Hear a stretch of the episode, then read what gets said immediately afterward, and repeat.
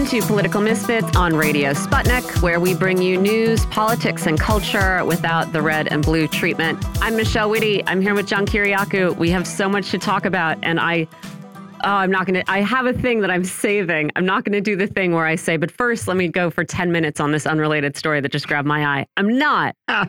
because we are going to talk about whether the Republicans really need a new entry into the primary field and how that's shaping up anyway, and whether we really need Virginia Governor Glenn Youngkin to jump in. You know, someone is pushing hard for it. Someone's pushing hard. We're gonna we're gonna talk about that. I have a thought or two about Youngkin. I, I didn't vote for Youngkin, but I will acknowledge that he's been a good governor. I disagree with him on these um, culture war issues. I don't think that the issues we should be focused on are what books seventh graders, you know, should or shouldn't be reading to be decided by politicians in Richmond. But he's been generally a good governor. And uh, there are some powerful people that would like to see him run for president. We're also going to talk about the reluctance of government prosecutors to charge Hunter Biden with any crimes and uh, what other members of the Biden family are popping up in that drama. Uh, we'll talk about elections and runoff results in Latin America. We'll talk about the U.S. worrying that Ukrainians have become casualty averse and some pretty shocking casualty statistics from the Ukraine war that at least uh, really surprised me. We'll talk about how the delivery of F 16s and F 16 training is shaping up. We'll ask uh, why Brazil's Congress is going after the landless workers movement there. We'll ask what's on the agenda for the, the BRICS summit that's going to start later this week. Boy, do I want to talk about Spain's football chief. Yeah, how do you like that? Kissing the, um, the but oh, I forget her name. Right on the mouth. I know her last name's Hermosa. Uh, kissing her right on the mouth after Spain won the, the Women's World Cup. Now, listen, in the story that I saw about this dude, they also show him like grabbing his crotch in celebration as he's in the stands. He's like he's the he's described as the football chief, right? So I guess Right. he's like a government minister who heads football and is very very excited that uh, excited. Spain won the Women's World Cup. The crotch grabbing celebration. It looked like he thought the better of it pretty quickly, but it was pretty funny. And now, like, you know, on one hand, of course, I don't think a I don't think a man should kiss a woman on the lips just out of the blue. I don't think I don't think that that's a you know, try try not to do that, guys. Yeah, you the thing that that. keeps popping up in my head though is would he not have done it if it had the, been the men's team? I don't know. I think he would have grabbed the captain of the men's team and kissed him right on the lips as well. And so I I sort of am feeling like, I think he probably would have. yeah, Like, how much of this should we say? Well, he's Spanish. That's it. But that's what I'm saying. That's what I'm saying. You see this all the time, and we don't do it so much in. The, I mean, certainly in the United States, like men never touch each other. It's really sad. Yeah. It's really common to see men walking around like holding hands. Well, boys, I will say at Yeah. least, and and sometimes men in other countries like holding hands, Oh, in sitting in next to each other, world- patting each other, arms around each other. It's nice. I Oh, wish yeah. American men had this sort of freedom to be physically affectionate with each other. Yes, you see that in the Arab world all the time. Men hold hands all the time. Yeah, it's cute. Uh huh. Yeah. And so I don't know. You can argue this to me otherwise because this is my initial reaction, but I feel like this is not a case where he sort of took advantage of this situation because she's a woman, but like failed to take greater care because she's a woman. You know what I mean? So, yeah, shouldn't have done it. Apologize. Yeah. But it feels a little bit more like someone who was just obviously very much caught up in the moment and making bad decisions and wasn't like, yeah, let me take this opportunity to plant one on this broad, you know? So Yeah. there's my importance on that. Uh, it stands on that extremely important issue. The other thing that's happening today um, is that Joe Biden is finally traveling to Maui to see the damage done by wildfires there two weeks ago now, right? I was going to say, what do you think took him so long? He was on vacation. Wow. I mean, I really don't know. I don't know why it took him so long to come out and say something specifically about it. I don't know if there's some reason presidents can't wander away from their beach vacations to like stand up in front of a podium and give like, Yeah. uh, you know, a 90 second statement and then go say like Right. everybody's on it, whatever. I mean, he, he, they had issued statements, right? But Joe Biden hadn't come out and said Yeah. anything. Then he went and made some remarks in the context of celebrating the one year anniversary of the signing of the Inflation Reduction Act, which again, weird combination. Mhm, mhm. Then he went on vacation again. Like, I don't care if people take vacations, but just like it's been a long time And I mean, of course, you don't also need the president sort of flying in on a helicopter as the fires are raging, but like not saying something sooner, I thought was very strange. Yes. He's going there now. He's going to meet with survivors and Hawaiian officials and first responders. Uh, more than 100 people were killed in the fires that we know of. We still don't know very many of their names. Hawaiian officials said this morning that more than 850 people are still missing. Right. So which apparently, harrowing. Only 150 people since last week have called into state authorities and said, I'm safe. Yeah. I wasn't at home when the fires broke out. Yeah. But 850 people have yet to be located. And as we've mentioned before, and they keep repeating, a lot of these are likely to be children because schools were closed. Some schools were closed that day due to a power outage. And this gets to another issue in this fire. The power outage had been caused by high winds. That somehow was not enough to prompt Hawaiian Electric to cut power to lines that might Right. be downed. Right. And again, we still don't have a, an official cause for these fires, in particular the one that destroyed Lahaina. But days ago, the New New York Times came to the conclusion that it was a down power was line. power line. It was a fire that started. They thought it was put out. They went to attend to other fires. It smoldered. It it resurged. Destroyed this city really fast. So they're already getting sued for that. Um, and the Wall Street Journal reported a couple days ago that back in 2019, after back to back years of really bad wildfire seasons, like a pretty bad one in 2018 and then a really historically bad one in 2019, Hawaiian Electric concluded that it needed to do far more to prevent its power lines from emitting sparks. The utility examined California's plans to reduce fires ignited by power lines. They started flying drones over their territory. They vowed to take steps to protect their equipment and their customers from the threat of fire. They said they were going to install heavier insulated conductors on Maui and Oahu to minimize the risk of sparks. They were going to add this technology to detect disruptions when conductors come into contact with each Mhm. other or with vegetation. They're going to put fire retardant on poles in risky areas. Anyway, they have all of these plans to mitigate the risk of wildfire. Um, and then they say all this. And then in filings with the Hawaiian Public Utilities Commission over the next two years, they made almost no reference to wildfire mitigation. And between 2019 and 2022, the company invested less than $245,000 on wildfire specific projects. This is according to these regulatory filings.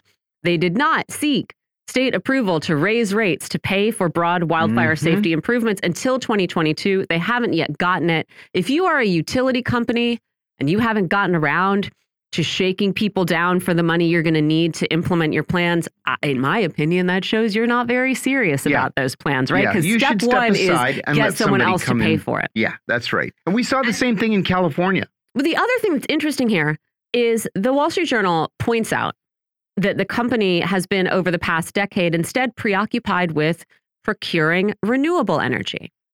And I think because this is the Wall Street Journal, they're like, look, push for renew. Oh, everyone died because people died because we're interested in renewable energy, which I think is stupid. And I'm overstating it a little bit. But, you know, they talked to some former state utility officials who said there was concern for wildfire risk, but the focus was on electricity generation. They talked to a county official who said the drive to reach the renewable goals also preoccupied private energy companies working with Hawaiian Electric and the state officials, and that looking back, the business opportunities were on the generation side, and the utility was going out for bid with all these big renewable energy projects.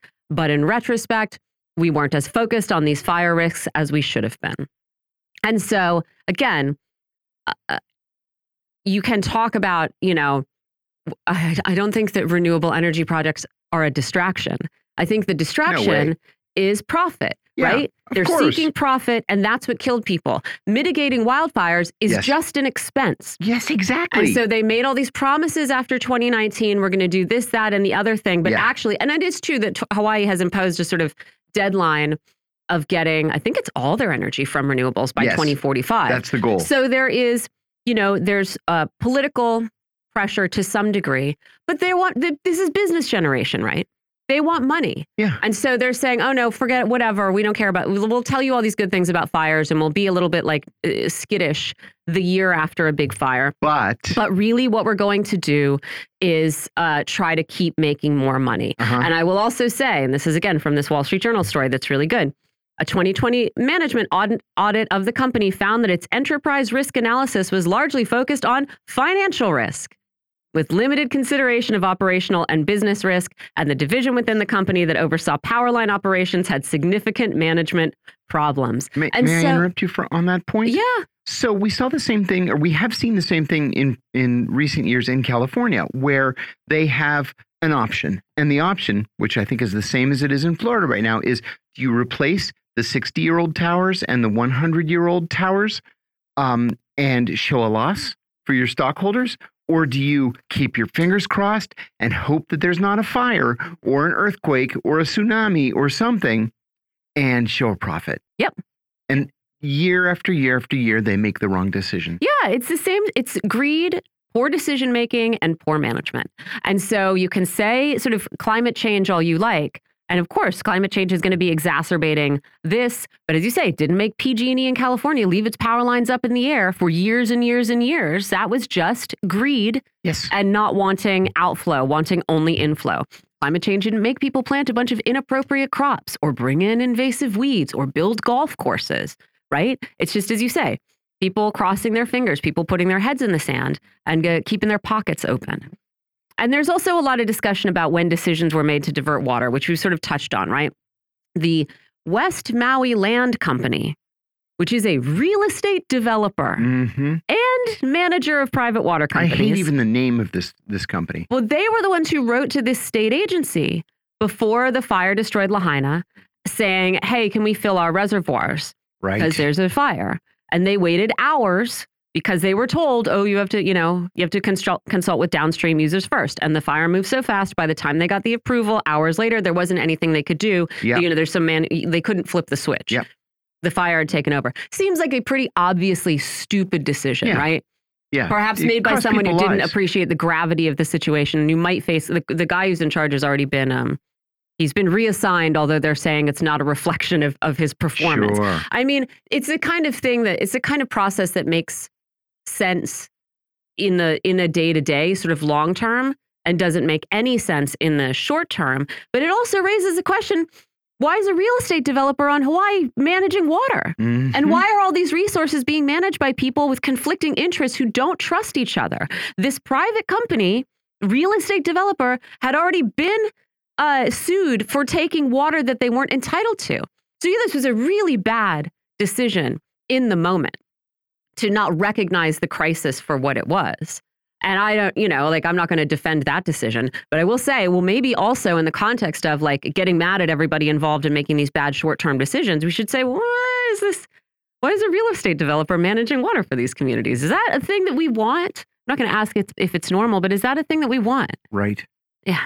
Scandalous. Yeah. And it also feels like we don't have to be, I mean, again, sure, it's important to see what climate change is doing, but it's also important to see that I think there are people who are trying to invoke that phenomena Yes. to suggest that things are inevitable, that are not inevitable. And, they're they're not Is in our loss of life is not inevitable. Loss of these animal and populations is not inevitable. Not true. Yeah. Another thing too is these these grasses uh, in Lahaina that that you know just went up in flames. These are non-native grasses. These are grasses that have been planted by developers because they're pretty, Mhm. right? They're not native to Hawaii, and they're not suited for that kind of an environment, especially when the environment turns dry. And now we see what happened. There are 850 people missing and 110 already killed. Yeah. And I mean, I will say the governor is just saying, sure, climate change exacerbated this. Sure. He's not trying to blame it Yeah. on, not like uh, Noah and fish stocks. Yeah. But, you know, I think the thing to remember is we don't have to solve climate change to fix all of these identifiable problems with water management, with land management, with decision making, with utility decisions. That's not, th th those are not enormous sort of Yeah. geological issues that we as a world has to solve. Yes. You can solve that as a community, Yes. right? You can solve that as a country if you want. to. Correct. Anyway. Yep. I have there's there's a lot more to talk There's about. a lot I know we have our guest on the line. I just also want to say the great headline I sent this to you and Ben over the weekend. Kid Rock spotted drinking Bud Light. That the, headline the picture was hilarious. The I laughed out loud when I saw it. What an Guess the boycott's over, guys. Well, we're going to go right into it. We have a lot of political news to start the week. First, both pre former President Donald Trump and his former chief of staff at the White House, Mark Meadows, both of whom have been indicted in Georgia on charges of trying to overturn the 2020 election there, have asked a federal judge to transfer the case out of the Georgia state court system and into the federal district court in Atlanta. In response, several Republican judges, Republican judges, former judges, I should say, and um, and uh, law professors published an article in the Atlantic Monthly over the weekend saying that the request will likely be denied because neither Trump nor Meadows have been charged with crimes coming out of their official federal business. And that's what the law says. For example, if a governor doesn't, or, or a local prosecutor, even better, if a local prosecutor doesn't like what you did as president, it's a policy di uh, difference, they can't charge you with a crime, right? But that's not why Donald Trump has been charged or Mark Meadows. So this thing will likely be uh, denied. Instead, they've been charged with crimes for trying to pervert federal business. A hearing in the district court is going to be held a week from today, so we'll see how that plays out. The Hunter Biden saga, as you alluded to a moment ago, becomes curiouser and curiouser. David Weiss, the special counsel investigating Hunter Biden, has a reputation as someone who has long gone after entrenched political figures in the state of Delaware. Well, it turns out that in 2010, Weiss worked with Beau Biden, who was then Delaware's attorney general, to convict a Delaware politician of fraud. That's great in and of itself, but it raises questions then as to whether he can be impartial in the continuing investigation. Now, a lot of Republicans were calling for a special counsel. They were not calling for David Weiss. And so a lot of people are uh, upset about this development. Media mogul Rupert Murdoch, who owns Fox News, The Wall Street Journal, The New York Post, and a whole bunch of other media outlets, quietly reached out to Virginia Governor Glenn Youngkin last week to urge him to run for president. Murdoch, who is credited, at least in part, for creating Donald Trump as a legitimate political figure, has soured on Trump and is looking for a replacement. For a time, it looked like that replacement was going to be Florida Governor Ron DeSantis. Uh, but Murdoch has soured on him too. If Youngkin is interested in running for president, he's going to have to move quickly. 14 Republicans already are running for president. Donald Trump is far ahead in every poll, and the big money donors are already largely committed. Trouble is looming for the Republican Party in the Senate. Um, Republicans are largely expected to win back control of the Senate in the 2024 election. But we've heard this story before, and Republican Senate recruitments are starting to look like what they did in 2010.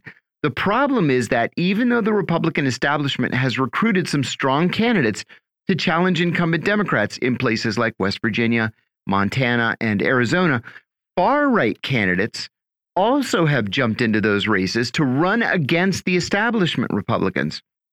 The fear then for the Republican Party is that the extreme candidates could win the nomination, forcing moderate Republicans to either sit out that race or to vote Democrat. That's what happened in 2010 when Republicans were supposed to win the Senate, and in the end, Democrats kept the Senate. Sabrina Salvati is an activist, a former educator, host of the Sabby Sabs podcast, and co host of Revolutionary Blackout Network. Sabby, we're so happy to have you. Thanks for joining us. Good afternoon. Thanks so much for having me on. Well, thank you. And let's start with the case against Donald Trump et al. in Georgia. Legal scholars seem to agree that this is the most serious case against Donald Trump of the four that have been filed. First, it looks to be the easiest in which to prove intent. And second, this is the case where if he's found guilty, Trump would be blocked from running for president because it would constitute a, a violation of, uh, of the Constitution. The federal district court in Atlanta is going to hold a hearing a week from today to consider a transfer to federal court, but that appears to be likely to fail. So, my question is what next? A whole bunch of people are going to go on trial. Do they start flipping to save themselves? Do you see a scenario where Donald Trump maybe tries to negotiate some sort of a deal? What do you see happening here? Unfortunately, I think uh, most people are going to save themselves. They're going to protect themselves. Um, we've already seen some of the politicians already flipping, some of the ones that were really Trump supporters, uh, realizing that this is not the train that they want to get on. And so uh, people like Brian Kemp, for example, they're already flipping. Mike Pence obviously flipped the moment he decided to run um, in the, the presidential campaign against Donald Trump. So I think that most people are going to save themselves. Maybe Donald Trump may try to make some type of compromise.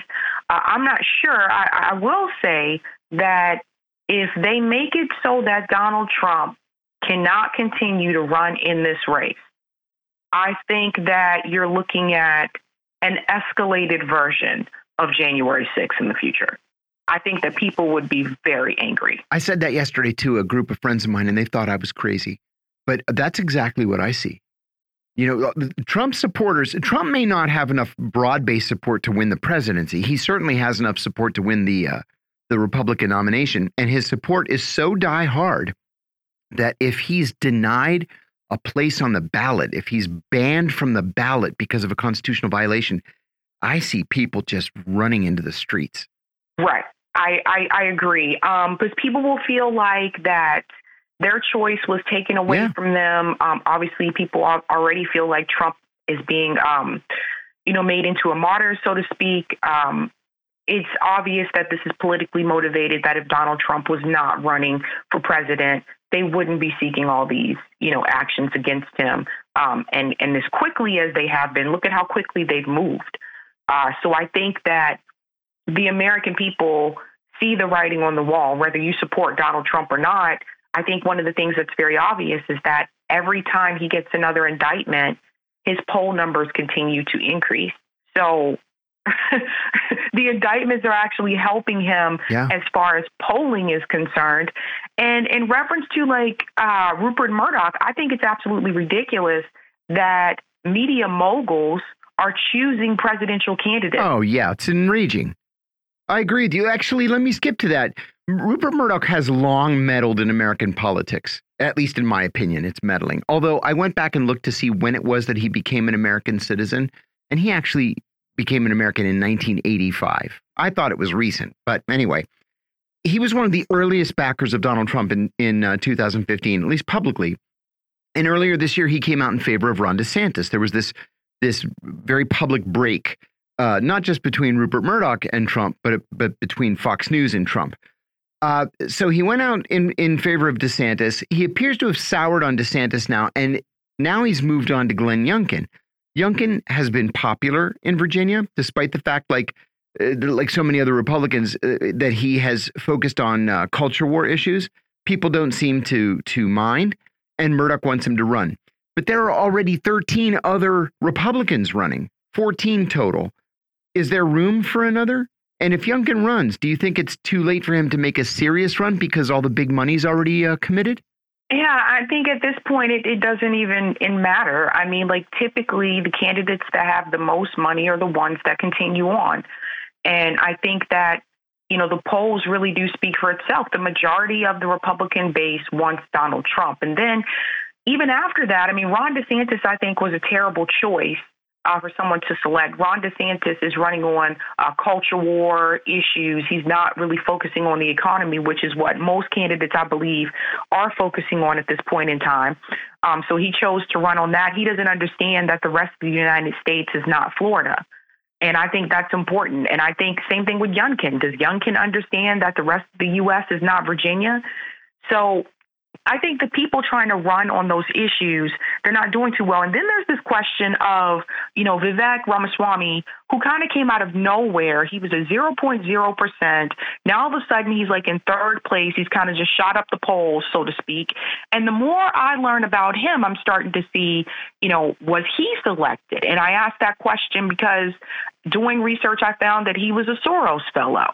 Uh-huh. You know, this uh-huh. guy, yeah, oh yeah, we realized this the other day that he was a Soros fellow. You know, he's he's beloved. Now, the World Economic Forum, they had chose him as one of like the young leaders. He actually rejected that um, and fought back against that and won. But when I listen to him speak, he reminds me of Barack Obama. Well, I'll tell you what, he's the only Republican to have publicly said that he would pardon Julian Assange if elected president. So he's definitely for for all of his pro-Trump statements, he's very much the independent in that Republican race.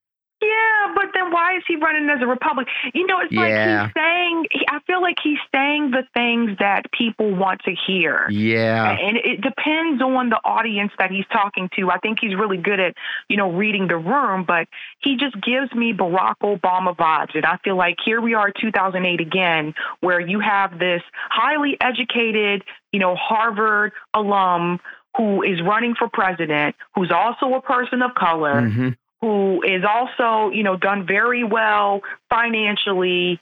Uh, and I just, it, it, he just, he gives, I, I have this feeling with him that he was selected. You don't come out of nowhere. No one's ever heard your name. They don't know anything about you. And you just shoot up the polls like that. Yeah, just like that. Just like that. Although we've said on the show before, the, the Republicans seem to do that far, far more than the Democrats do. The, the Republicans, once the race starts to get going, they'll take a week or two and look at each candidate one at a time. You remember the Godfather pizza guy? What was his name? The guy that said, You Becky, Becky, Becky, Stan, Stan, instead of Oh, yeah. Uzbekistan. There's a great YouTube video. He can't get the word Uzbekistan out, and he says, "You Becky, Becky, Not Becky Herman stands." Cain? Herman Cain, thank you.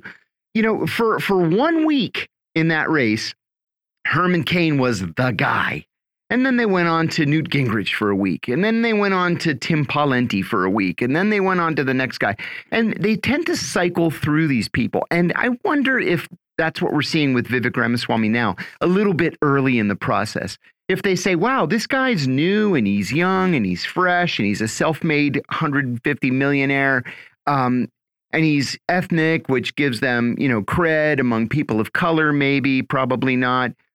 And then they get tired of him in a couple of weeks and they move on to somebody else. That could happen. I just it's it was just very telling to me that this guy automatically like right out of the gate, like usually, you know, it takes some time for candidates to get the attention that they're getting if Yeah. they're not known and if they're at the bottom of the polls. When he was at the bottom of the polls, he was already on the Breakfast Club. Yeah, that's true. That's true. Um, I want to turn to uh, Hunter Biden, if I could. These Hunter Biden developments are just crazy, like out of a movie. We're learning more and more every day about Hunter Biden's efforts to try to save himself, or at least his attorney's efforts to try to save him. And we're also learning about the Justice Department's reluctance to charge him with any crimes in the first place, right? We just heard that today. They were actually considering not charging him with anything. Republicans demanded a special counsel. Now they have their special counsel in the form of U.S. Attorney David Weiss, even though it's a violation of, of U.S. law to make a, a U.S. attorney a special counsel. The special counsel law says that the special counsel has to come from outside government. This guy's not from outside government. Um, now we're also learning that Weiss worked with Beau Biden, even if it was more than a decade ago. So my question is, does this matter? And does it impact the Hunter Biden case or the Hunter Biden Hunter Biden negotiations at all? I'll just be honest with you. I don't think that Hunter Biden is going to be punished in the way that he should be. I think that um, you know it's it's pretty obvious to me that they're going to do whatever they can to protect Joe Biden's son, and that's it's unfortunate, but if this was anyone else, I mean, any other ordinary person, I mean, uh, they would be held accountable. But because he's Joe Biden's son, you know, he gets a, a pass here, basically, so to speak. I mean, it's just, it's disturbing. And I think that, you know, they're doing everything they can, especially right now, considering we're about to head into 2024. They're going to try to hide any information that they can about this this incident with Hunter Biden, especially involving Joe Biden, so that it doesn't implicate Joe Biden going into the 2024 election. So I think that what they're doing right now is just basically just buying time. But yes, to answer your question, yes, I I do believe I'm, I'm not surprised that they were going to consider not charging him with anything. uh, that that doesn't surprise me at all because of who his father is.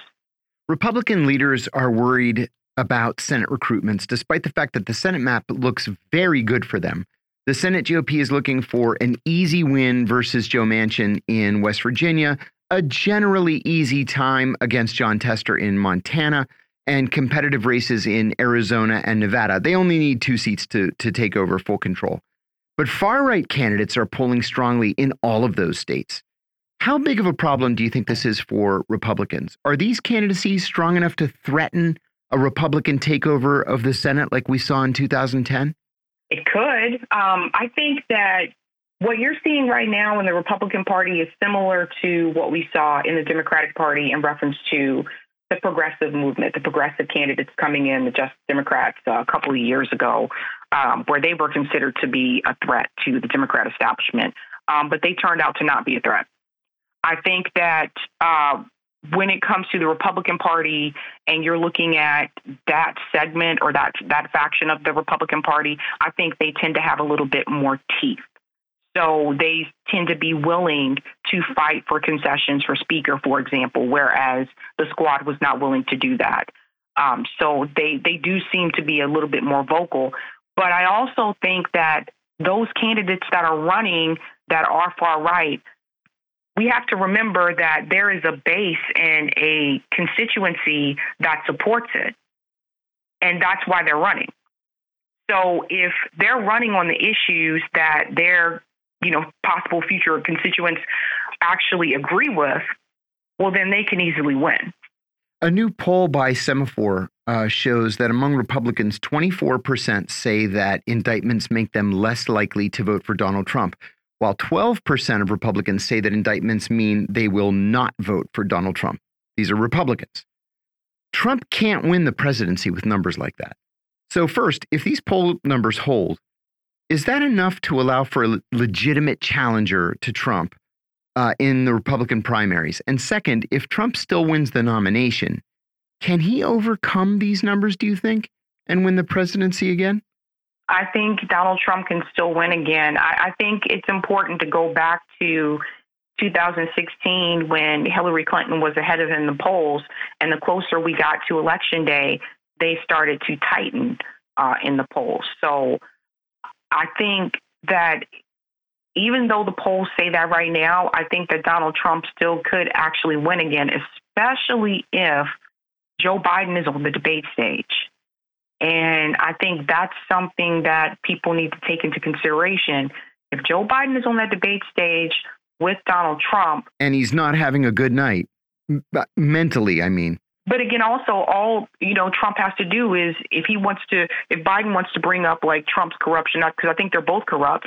All Trump has to do is bring up, you know, Biden's corruption with with Hunter Biden, mm -hmm. which he brought up last debate. But now we we have information that shows that Trump was correct about the Ukraine business dealings. Yeah. So that's that's just something I think people need to to pay attention to. If Joe Biden gets on that debate stage in the state that he is right now, I think Trump could easily win.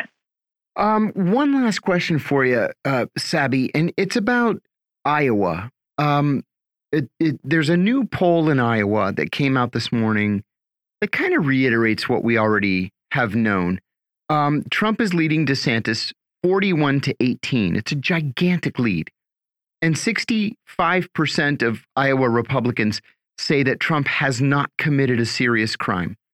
DeSantis has been fading in Iowa by a lot. He was only behind by eight percentage points in the last poll. Now he's getting crushed. Um, DeSantis is at 18. Tim Scott's at nine. Nikki Haley and Mike Pence at six. Chris Christie at five. Vivek Ramaswamy four, Doug Burgum two, Will Hurd one. There are five other candidates that don't get even 1%. So give me your final thoughts on these numbers and what they mean for Donald Trump and Ron DeSantis, especially, keeping in mind that Iowa has an unusually high concentration of evangelical Christians and one of the smallest percentages in America of people of color.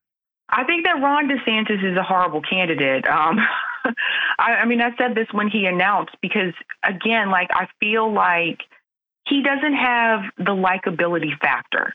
And that's important when you're running for office, meaning that he's just not likable.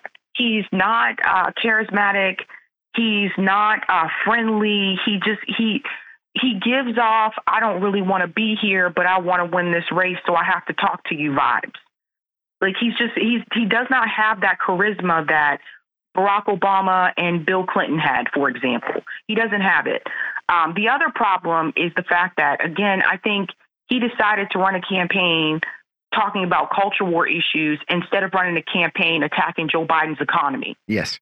I think that was that was a big mistake. And then three, the last poll that I saw, it showed Donald Trump was actually beating Ron DeSantis in Florida. Yes, he was. That came out last week. Yeah. So, so it's just some of the rules, and and I've, I have friends in Florida. I've talked to people there. Some of the rules, some of the laws that he has implemented in Florida, people aren't actually liking too much.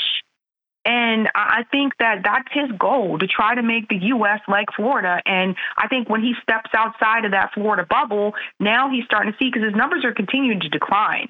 Now he's starting to see the rest of the United States doesn't feel that way. And so I, I think that was a big mistake. All those other people can go home. Tim, Tim Scott, um, Nikki Haley. I lived in South Carolina when she was governor of South Carolina. Nikki Haley's a joke. Like Tim Scott can go home, Nikki Haley can go home. I, Asa Hutchinson, I don't know why they're giving him all this press. He's at the bottom and he's boring. All those other people can go home. Right now, the top contenders are Donald Trump, Ron DeSantis, if, if he hangs in there, but I won't be surprised if Vivek Ramaswamy pulls ahead of Ron DeSantis. And if that happens, then everybody else except for Vivek and Donald Trump need to go home. I would be shocked. Now, I'm showing my own bias, I admit it, but I would be shocked to see evangelical Christians turn out for a Hindu vegetarian. That would stun me. Yeah. Yeah. Well, we'll see. Is, He's trying. Is he Hindu? Oh, yeah. Is he? Yeah. Yeah. There was there were a bunch of people who like sort of believed that he wasn't for some time. Right. But no, he is. Which, you know, is fine. Yeah. I don't Good. care. I'm actually glad, you Makes know, at least he hasn't felt me. like he's got to convert, right? It seems Right. like fine, you know, he's he's sticking to uh, who he is. Oh, yeah. and Real- presumably real what he believes in. I find I- it sort of admirable. When I was serving in Pakistan, uh, one of the Pakistani generals pulled me aside and asked me if one of my coworkers was Muslim. And I said, I, I don't know. I guess so. I think he's Muslim. I don't know. We never talked about it. And he said, You work together? And I said, Yes. And he tells you what to do? I said, Sometimes we have kind of an odd relationship. Uh, He answers to me when we're in Islamabad, and I answer to him when we're in uh, Faisalabad. It's, it was just a weird admin thing. And he says, And you take orders from a Muslim? I said, God, I, who is this person? he was a Muslim two star general in the Pakistani intelligence service. Who's the guy who's asking you? The guy who's asking me.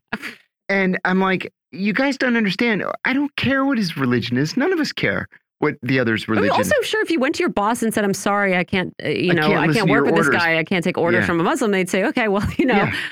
best of luck on your new endeavors, John, Yeah. because that's not how you're it's crazy. allowed to do things." So, you know, these complaints that I see every once in a while about Vivek Ramaswamy, it's like, well, uh, who cares? I mean, Rishi Sunak is a is a Hindu. Who cares? It doesn't make any difference. I do think he is also uh, Ramaswamy, though, anticipating this problem is is sort of trying to he's suggest that Toning it down. Hinduism is more more monotheistic than it sounds and doing all this sort of like his 10 commandment like god is real there are two genders some you know whatever a bunch of other commandments yeah. so But he keeps saying God is real, and I, I just assumed he was a Christian. Mhm. no he's trying to communicate with christians saying no i believe i also believe god is real Yeah. and Yeah. never mind any of the Man, other this ones is going to be fun to watch. Yeah. Well, Sabby, thank you so much for for joining us. Uh, Sabrina Salvati is an activist, a former educator. She's the host of the Sabby Sabs podcast and co-host of Revolutionary Blackout Network. Yep. And I know we have our next guest on the line. Uh, so I want to I want to get into what has been going on in Brazil with the landless workers movement there because its leadership of the past. I believe this is a process that's been going on since the end of May. Uh, it, it- they've been called before Parliament as a committee in the Brazilian Parliament uh, investigates the activities, the quote real purpose. And the funding of the movement, uh, which uh, we'll refer to probably a lot by its Portuguese acronym, which is MST. And the, the real purpose question is kind of funny because uh, the the MST has been pretty successful at what they've been doing for years, which is organizing landless workers, taking over unused land, and making it productive, and educating workers on their rights. They don't know that they need to have some other uh, unstated secret purpose when they're they're sort of exemplifying what their purpose is all day, every day. And also, as I understand it, the majority of these occupations uh, have been legalized by the Brazilian government. They have been found to be legal under Brazil's law, which says, uh, you know, that land can't lie, you know, can only lie unused for so long before it is required to be put to productive purposes. So we're going to be joined by uh, Brazilian journalist journalist Nathalia Urban to to talk about what is going on here with this grilling that these MST leaders are getting before uh, Brazil's Congress. Thanks for joining us, Nathalia. Thank you so much for having me. And yes, you gave a, a great introduction for saying, especially for saying that they are occupying land and are stealing land, like New York Times, for example, did. Yes. Well, so what are they being accused of doing? So essentially, the, the, the purpose of that uh, committee, who is presided by the Bolson, who was Bolsonaro's former Minister of uh, Environment, Ricardo Salles, who lost his job at Bolsonaro administration after he was caught and denounced by the American government mm. for mm. trying to um, trafficking forbidden uh, wood from the Amazonian region. Mm. so he was always the agro poster boy, and that's essentially why the reason Bolsonaro put him in charge of environment. Funny enough.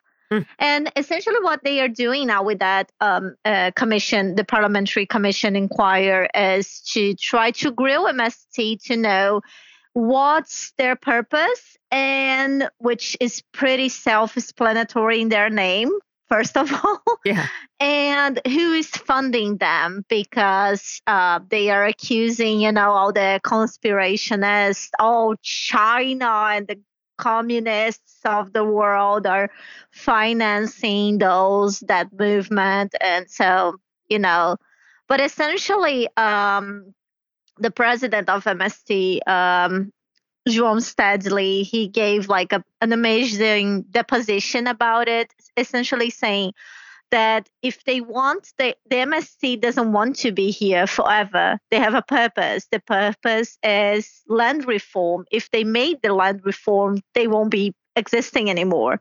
And that's exactly what they want. They don't want to exist anymore. They are fighting and working for the land reform. I mean, this is a movement that has been active for decades, right? So they're they're a sort of like slow burning uh, front for uh, Chinese communist interference in Brazil or something, or is the idea that um, I mean I it would be too comic to suggest that this was like a long term project by another country to infiltrate Brazil. So is it is the idea that they are sort of uh, newly interesting to foreign entities that want to interfere in Brazil, or what what is the idea here? There was even a funny moment that went viral in Brazil when Ricardo Salles asked about like the Chinese connections of the MST, and they said, "Look, we have like good relationships with China." It's like, yeah, of course, uh, because they are like meddling and they want to like uh, to destabilize the the agribusiness. They're like, no, it was like, what are you implying? And he was, oh, you know, because they are starving there uh, they uh, there are no great properties. And I was like yeah there aren't because and you got your model from china. They were like no they don't have nothing similar to mst like why not? Because they had the land reform during the chinese revolution right. and everybody was laughing because this was so obvious. And um, they don't want to admit that First of all, MST by itself, it's a model from other from other countries to uh, learn from MST. That's why they have uh, they receive envoys from all over the world to learn from them, not just in terms of like legal fights for uh, um, land rights and land reform, but also agroecology and um, sustainability in rural areas and peasant struggle. But um, the thing is, they want to dismiss MST as some radical, political, radical, fanatic communist group and not as a group that has a legit claim of pointing out how unfair land distribution is in Brazil. I also want to ask Nathalia about um, agribusiness. Because you, you mentioned this story in the New York Times from a couple months back uh, that you know, people mm, people took different views on, um, but there were quite a lot of people who thought it was a, a, a pretty nasty hit piece on MST. Um, and it described the movement as poor workers taking land from the rich. And it discussed how inequity over land ownership in Brazil is rooted in colonial era land distribution policies that consolidated lands in the hands of powerful white men. To which I would say, sure, yeah, of course. But the New York Times really focused on individuals, right? Here's this individual landowner and he objects to uh, these people occupying his unused land. And it really did not focus on the massive agricultural industry in Brazil, which I think is probably the, the most important antagonist and target of this movement. Agribusiness in Brazil is huge. It's very international. And it also is probably harder to make a sympathetic case for, right? You can have a sort of picture of this guy and say like, oh, this is my ancestral land and I don't want these people on it. It's another thing to just have a picture of like JBS or whatever, or a huge cattle ranch or something. And so I wanted to ask you to talk to us a little bit about you know who we are talking about when we talk about agribusiness in Brazil and why it's important to remember that this is the an industry that is a target of this landless workers movement. I'm just going to start quoting what Stédile said whenever they said about grabbing lands or taking lands from the rich. Um, that actually, people who are actually taking lands in Brazil are the rich who are always taking, stealing lands from indigenous people to plant soy or to have like cattle or other types of like plantations, whatever in Brazil. And when you are talking about agribusiness, it is a multi million industry in Brazil. And it's important to highlight it was great you saying that it is very international because um, data shows that the actual Brazilian population is not fed by the agribusiness, who is feeding the, Brazil- the Brazilian population. sorry, is essentially the small farmers people and the MST because many of those farmers, many of those settlements uh, of MST are the food that Brazilians are actually putting on their plates because all the production the agribusiness does, it's not staying in Brazil. And that's something that President Lula itself always point out that is so crazy that we feed um, the rest of the world, but we don't have food for ourselves. And that's something that we have to change.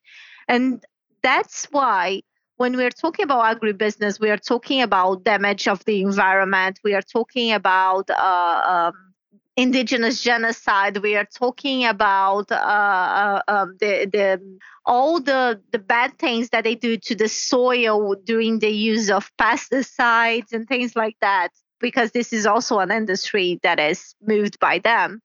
Um, and they are not realizing that this is not for the good, but because this is the argument that they use. This is not for the good of the people. They are they are not gonna Brazilians are not gonna starve if we don't have like a multicultural, uh, multi-millionaire company like JBS, because JBS essentially is doing soy for to feed their cattle to export their meat and mm-hmm. not to feed the Brazilian market.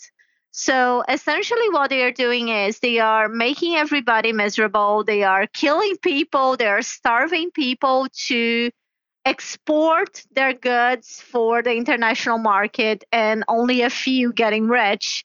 Because one of the things that also is very important regarding MST is that they are very big not just them, but other groups, other uh, peasant groups as well, um, denouncing the, the, the, the, the conditions that is to work for those plantations, the work conditions, because it's essentially many times uh, a model of um, slavery what they do with the workers.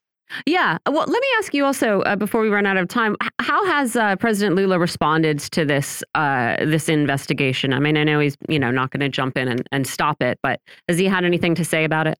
President Lula is always supportive of MST. Uh, he uh, promised, and last week when we had the March of Margaridas, which is the biggest peasant feminist march in the world, where like several groups from all over Brazil march in the Brazilian capital to demand protection and rights for especially women peasant women and other like traditional people etc everybody who lives from like by and from the land and president lula signed uh, more laws about like land protection for small uh, uh, business owners uh, for small uh, properties and also for uh, protection of rural workers in brazil things that had been slashed by bolsonaro. And he promised that in his current government, he would be they would speed up the land title uh, uh, um, line because there is like a backlog for many years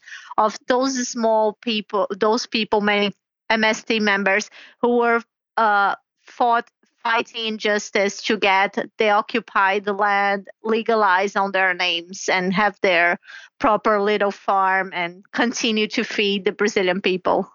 I also want to ask uh, about another topic, and that's just, you know, we, we have the BRICS summit coming up in South Africa this week. President Lula is going to be, he's on his way today, I would imagine. And I wonder if there is anything in particular on Brazil's agenda for this summit.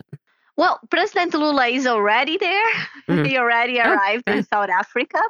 And what it's going to be a very interesting meeting because essentially they're going to discuss about like the expansion or not of the BRICS, like of allowing other countries to uh, join the massive uh, organization. Uh, there are currently 22 countries who had applied to be part of BRICS.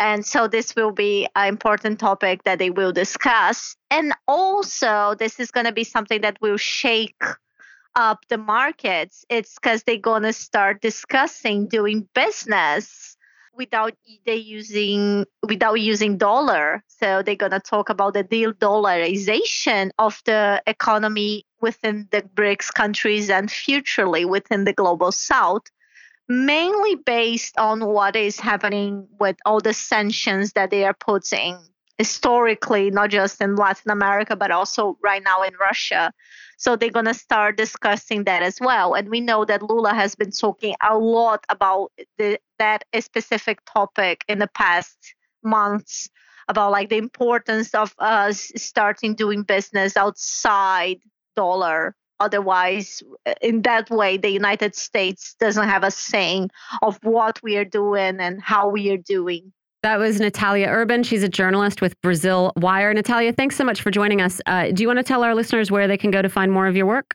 Thank you so much. You can find me at Brasil Wire, Brazil with an S. That's how we write in Brazil. Mm -hmm. And also on Twitter uh, at Urban Nathalia, writing all together. Thank you so much. Thanks a lot. John, we have a couple of we have a couple minutes before we move on. I did want to mention uh, uh John Fetterman's got a new look. Yeah. There was something I think that uh I mean it's there was some story about uh, him blowing blowing up social media with his new like, you know what? I like it. Yeah. I, I actually like it too. I think it's great. I think it's a positive change. I feel better about John Fetterman already. They're comparing him to uh to Walter White. Yes. I mean, I do yeah. think like I don't know. Yeah, the little goatee it was sort of weird with the way the mouth lines came down. It sort of looked like it was coming out of the corners of his mouth, and it yeah. made him look like he was frowning and more he than he used to. only the goatee. He I didn't know. have a mustache. Now yeah. he dropped the goatee and has a mustache. He very much looks like Walter. I think he White. looks cute. I think he looks better than he's ever looked. I'll tell you what he I doesn't look it. good uh, doing is uh, showing up uh, for official Senate business in the hoodie and the shorts. Is he still doing that? Yeah, he I read something in the Pittsburgh uh, Post Gazette the other day saying that he discovered recently that you don't have to be actually on the floor of the Senate to vote. Yeah. You can stand in the doorway of the Senate. Um, now, to go onto the floor of the Senate, the rule is that you have to wear a suit and tie. So if he just stands in the doorway and shouts his vote, they'll still count it. And he can wear the hoodie and the shorts. That's so lazy. It's so just incredibly put on lazy. a suit. I know he looks just- ridiculous. Just put on a suit and a tie. What is the matter with you? What kind of what kind of baby are you that you Yeah. can't? You have to wear sw sweat material all the time. when the Plum Avenue Bridge collapsed a couple of years ago, uh, he was lieutenant governor, and Biden flew to Pittsburgh and met with uh, with Governor Wolf, and of course Fetterman was there, and Biden's wearing a suit, and Wolf's wearing a suit, and and Fetterman's wearing the hoodie and the shorts, and he looked Honestly, ridiculous. It was I- embarrassing. There is something to an outer indication of how seriously you take a, a person or an occasion or whatever. I don't want to have to just trust that in your heart you uh, have dignity or trust that in your heart you respect me if you show Yeah. up to like uh, you know. I'm the president. You show up to interview me. I mean, that's assuming you're a person who deserves respect. But like, you know, it's not. It's it's respecting that the job that he is supposed to be doing for the American Yes. for the American people, you know, and not necessarily okay. I don't need you to genuflect before the Senate, but you wanted to be part of this thing, right? yeah, I don't Right. know. I think that. Yeah, that's my position. I think on one hand, people should be able to express themselves however they want, but Americans are too damn sloppy. they are. Just pull yourselves together a little bit, people. One other Have political note from uh, Pennsylvania this weekend. Uh, uh, Wear something that Doc- buttons. Dr. Oz, you'll remember, ran Mhm. for the Senate against Fetterman. Dr. Oz loaned his campaign $27 million, right? So he wrote a check to himself Yeah. for $27 million and spent that on the campaign. Now he's doing fundraisers around the country to pay himself back. Oh my god. His 27 million. So he doesn't want to have blown 27 million of his own money for a race that he lost. He wants you to pay him. So how is he how is he setting these fundraisers up? Pay for my past campaign, or is Yeah. he just pay for my past campaign. John Kerry still hasn't paid off his loans from his 2004 uh, presidential race. how many millions of dollars is John Kerry worth? Oh or my billions, God. right? Hundreds, Heinz, of, like, hundreds of millions of dollars. But he doesn't want to pay it. He wants No. other. Oh, of course he does. that's of how course he does. people Yeah, stay how rich rich. people stay rich. Yeah, of Yeah. course, of course. It's gross. Yeah, they make the poor people pay for it. It's gross. Damn it, Fetterman. Put a suit around that new mustache a and just uh, just sake. grow up a little bit. it looks bad. I mean, again, if you told me to put on pantyhose for literally any occasion, I would say you should stuff it. But I think that's. But I'll put on a skirt. Yeah. I'll cover my shoulders. You know what I mean? Yeah. Like I'll look. I'll look appropriate. I will say too, Fetterman looks like he's lost about 100 pounds since he was mayor of Braddock. He was mayor of Braddock, what, 10 years ago, nine years ago. He looks fantastic uh, since then. I don't know why he's lost so much weight. He hasn't said, but, and I don't think he's ever actually been the stroke. smiled. I'm looking at all these pictures. Uh, I don't Right. think he's ever smiled, but, you know, and here's a picture of him with Ed Markey, the senator from Massachusetts, with, um, I forget his name, uh, Carper, the senator from Delaware. They're in suits, and he's in the hoodie and shorts. Send me the picture, John. Hey, we got to take a break here. We're going to talk a little bit more uh, about these uh, uh, drone attacks in Moscow. We're going to talk about Ukrainian casualties. We're going to talk about election results in South America. All that and more. You're listening to Political Misfits on Radio Sputnik. We're live in DC. We'll be back in one sec.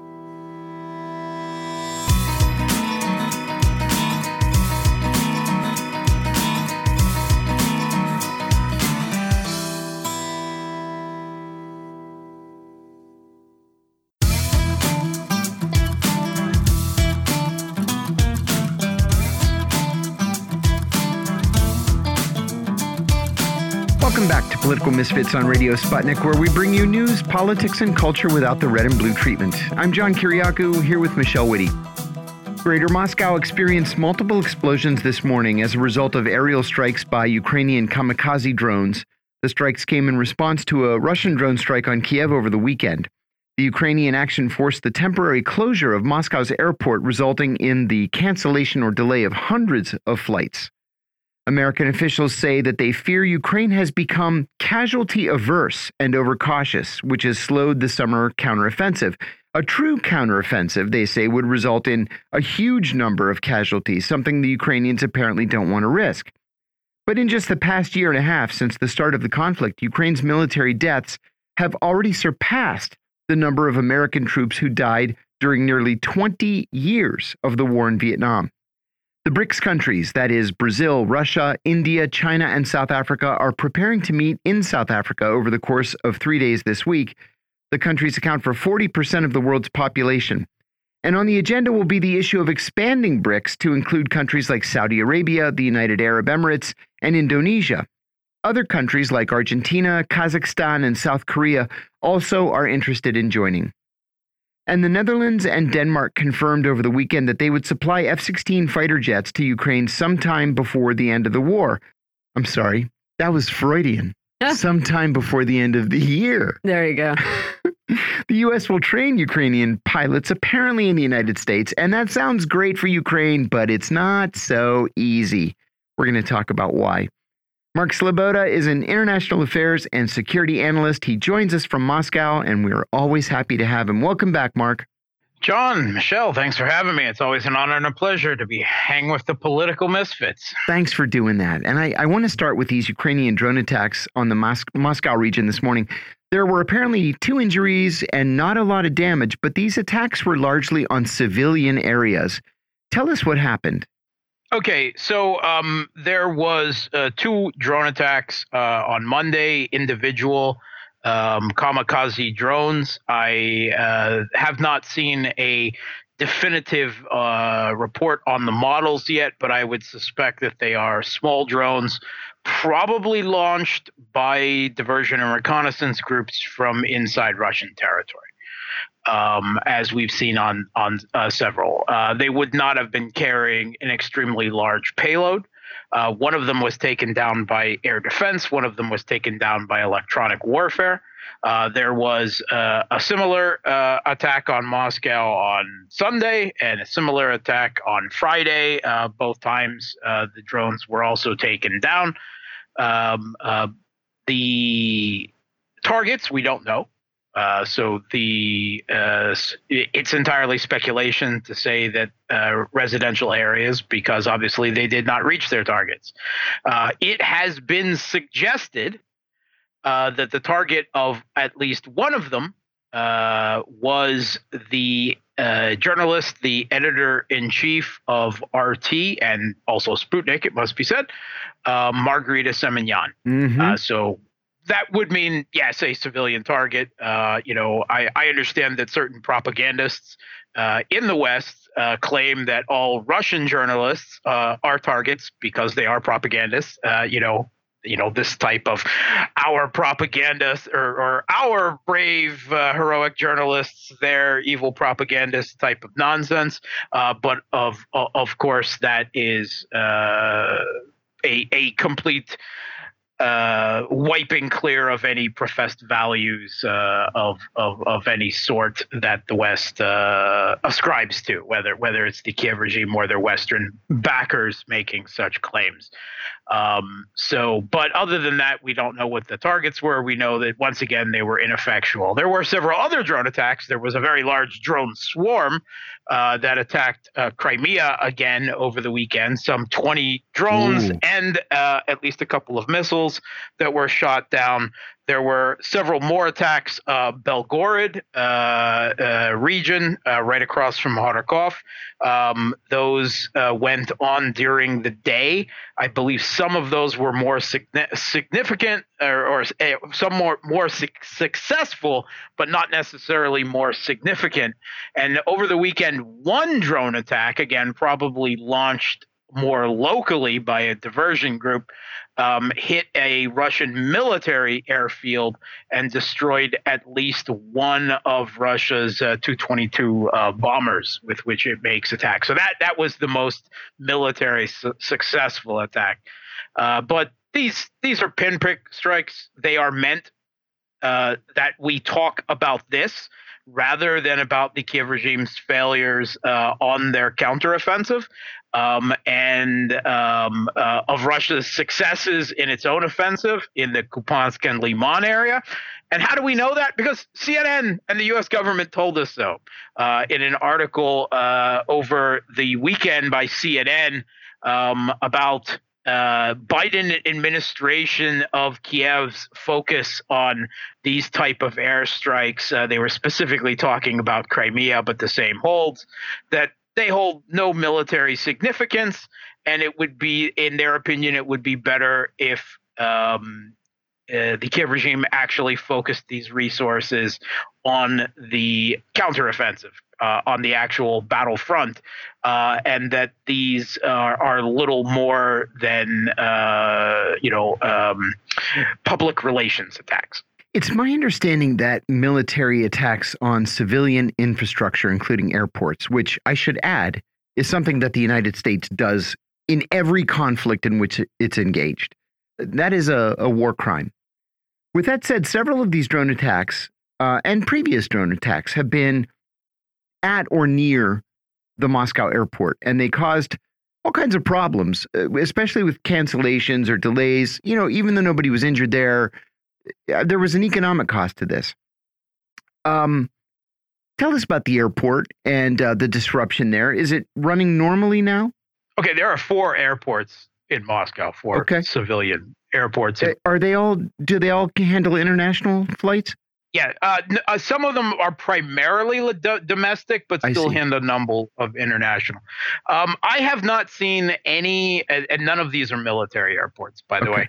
I have not, actually not seen any indication that any, uh, with certainty, that any of the drones were specifically targeting the airports. Okay. The reason that the airports were, uh, it, the, the flights were temporarily diverted is to clear the skies for the work of air defense and electronic warfare because it would be uh, a far more greater um, tragedy if in attending to defend some target within the city if Russia took down uh, an air flight, uh, you know, either domestic or international.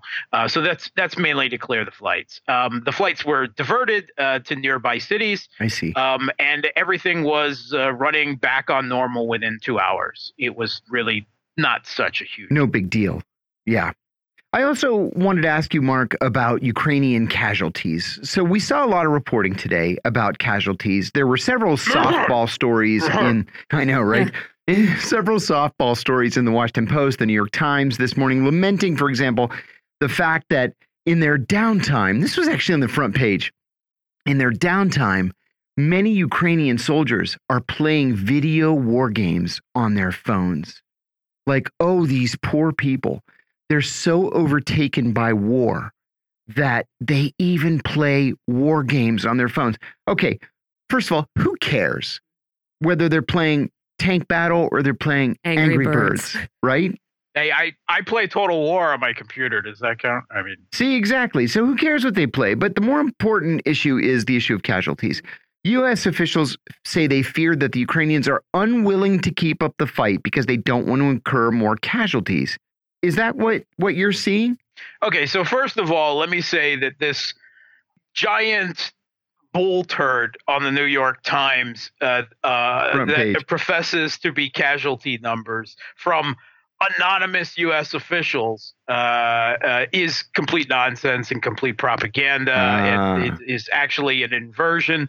Um, uh, the, the, credible numbers I have heard uh, uh, put the Kiev regime casualties at about 300,000, uh, which is why they um, have been conducting just unceasing waves of forced conscription, mobilization, right. as they euphemistically call it, uh, to to continue. And people are being grabbed off the streets forcibly, and uh, they're on the front lines within a week and that has been reported in Western media, like like the Guardian. Yeah. Uh, so um, that I mean, they haven't been reporting on it much, but it's even penetrated to that. Um, so, and Russia's casualties are probably less than a sixth of that number. So, uh, this is just a complete propaganda piece with no credible sources. And the one thing that all of their anonymous sources seem to agree on is they don't agree on the actual casualty numbers. Uh. So they ah. just picked one. Yeah. So, I mean, even within their own article, they admit that everyone disagrees on, on their. uh, the anonymous people all uh, uh, disagree on each other's anonymous casualty numbers. So, yeah, you can take that one. As to, I think far more important is this phrase coming out of the New York Times.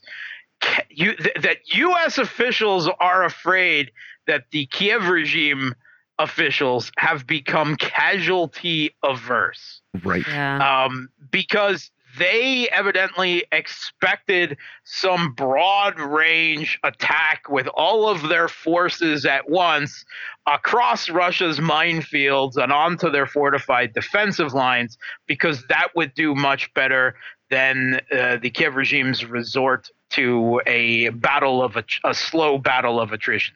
Right? It has actually nothing to do with being casualty averse in manpower, because actually Uh-huh. what they're doing is sacrificing the manpower. They're using the meat to save the NATO gear from the minefields. That's what they're doing, right? That's since the first two weeks when this well known number of 20% NATO gear losses for the offensive was talked about. And then there's been no update ever since. You notice that. Right. It actually did go down somewhat because of this tactic they're called mosquito uh, tactics of of sending small uh, groups and and trying at a war of attrition which is absolutely ridiculous when uh, Kiev's regime's own general says Russia has a 10 to 1 artillery advantage on the southern front but um, this, these statements first of all from from from the US we've we've heard it in the New York Times similar in the Washington Post and the Economist that that U.S. officials say that the, you know the Kiev regime should send more of its own people to death more quickly, and they might achieve some results. This is just utter nonsense. They they tried to create a NATO trained, NATO armed, NATO financed, NATO planned, NATO intelligence army, right? Yeah. Completely from scratch, civilians that they trade up with a paltry four to five weeks and expected them to master combined arms warfare on vehicles that no one in the Ukrainian military had ever driven Mm. before. Mhm. Not only that, to do it without air superiority. In fact, the other side has air superiority. And, uh, you know, the U.S. military, you know, uh, has, you know, it's uh, combined arms warfare is their holy grail. yeah. But even they would never do it without air superiority, much less with the other side having air superiority, artillery mass match, electronic warfare overmatch, and minefields and echelon fortified defenses. It's a suicide mission. Um, and these calls uh, coming from the U.S. are coming from ec- extremely callous and sociopathic people who have no understanding of military reality whatsoever. It has nothing to do with the Kiev regime being military adverse or due to any necessary lack of heroism by the Kiev regime forces, at least those that are willing to be there and not forcibly conscripted. Right. Um, how do you think if there is such an aversion, this will affect the Ukrainian counteroffensive? And let me explain. We've already seen reporting here in the US finally admitting that the counteroffensive has just not happened. Right? They've barely clawed back any territory at all. The Ukrainians had hoped to cut the Russian lines in half by now. It, it, that's not even possible. Uh, the Ukrainians had hoped to be in a position to threaten the Russian presence in Crimea by now. That's also not possible. Okay, so we're in August. The weather's going to start changing in the next eight weeks. Now, what do the Ukrainians do? Okay, so I mean the the the counteroffensive is is or the offensive more correctly is Yep. effectively over. Yeah, it's over. Right, we're seeing its its peak right now, and we know this because the Kiev regime has put the last of its reserves, the last of its offensive US, NATO trained uh, offensive guard battalions, and the last of its reserves, and it is still in the screening zone, the throwaway zone, the area in front of the first of five, now six Russian echelon defensive lines. Mhm. you'll you'll hear in the next two weeks with the additional forces they're throwing everything they have left.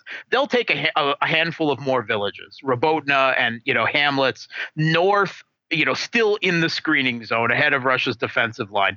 And they'll probably reach russia's first defensive line and that will be it and they will be stopped there, and that will be the end of the offensive in the south. Uh, likewise, in the east, they've been battering their heads against Klashevka to no effect for 10 weeks now.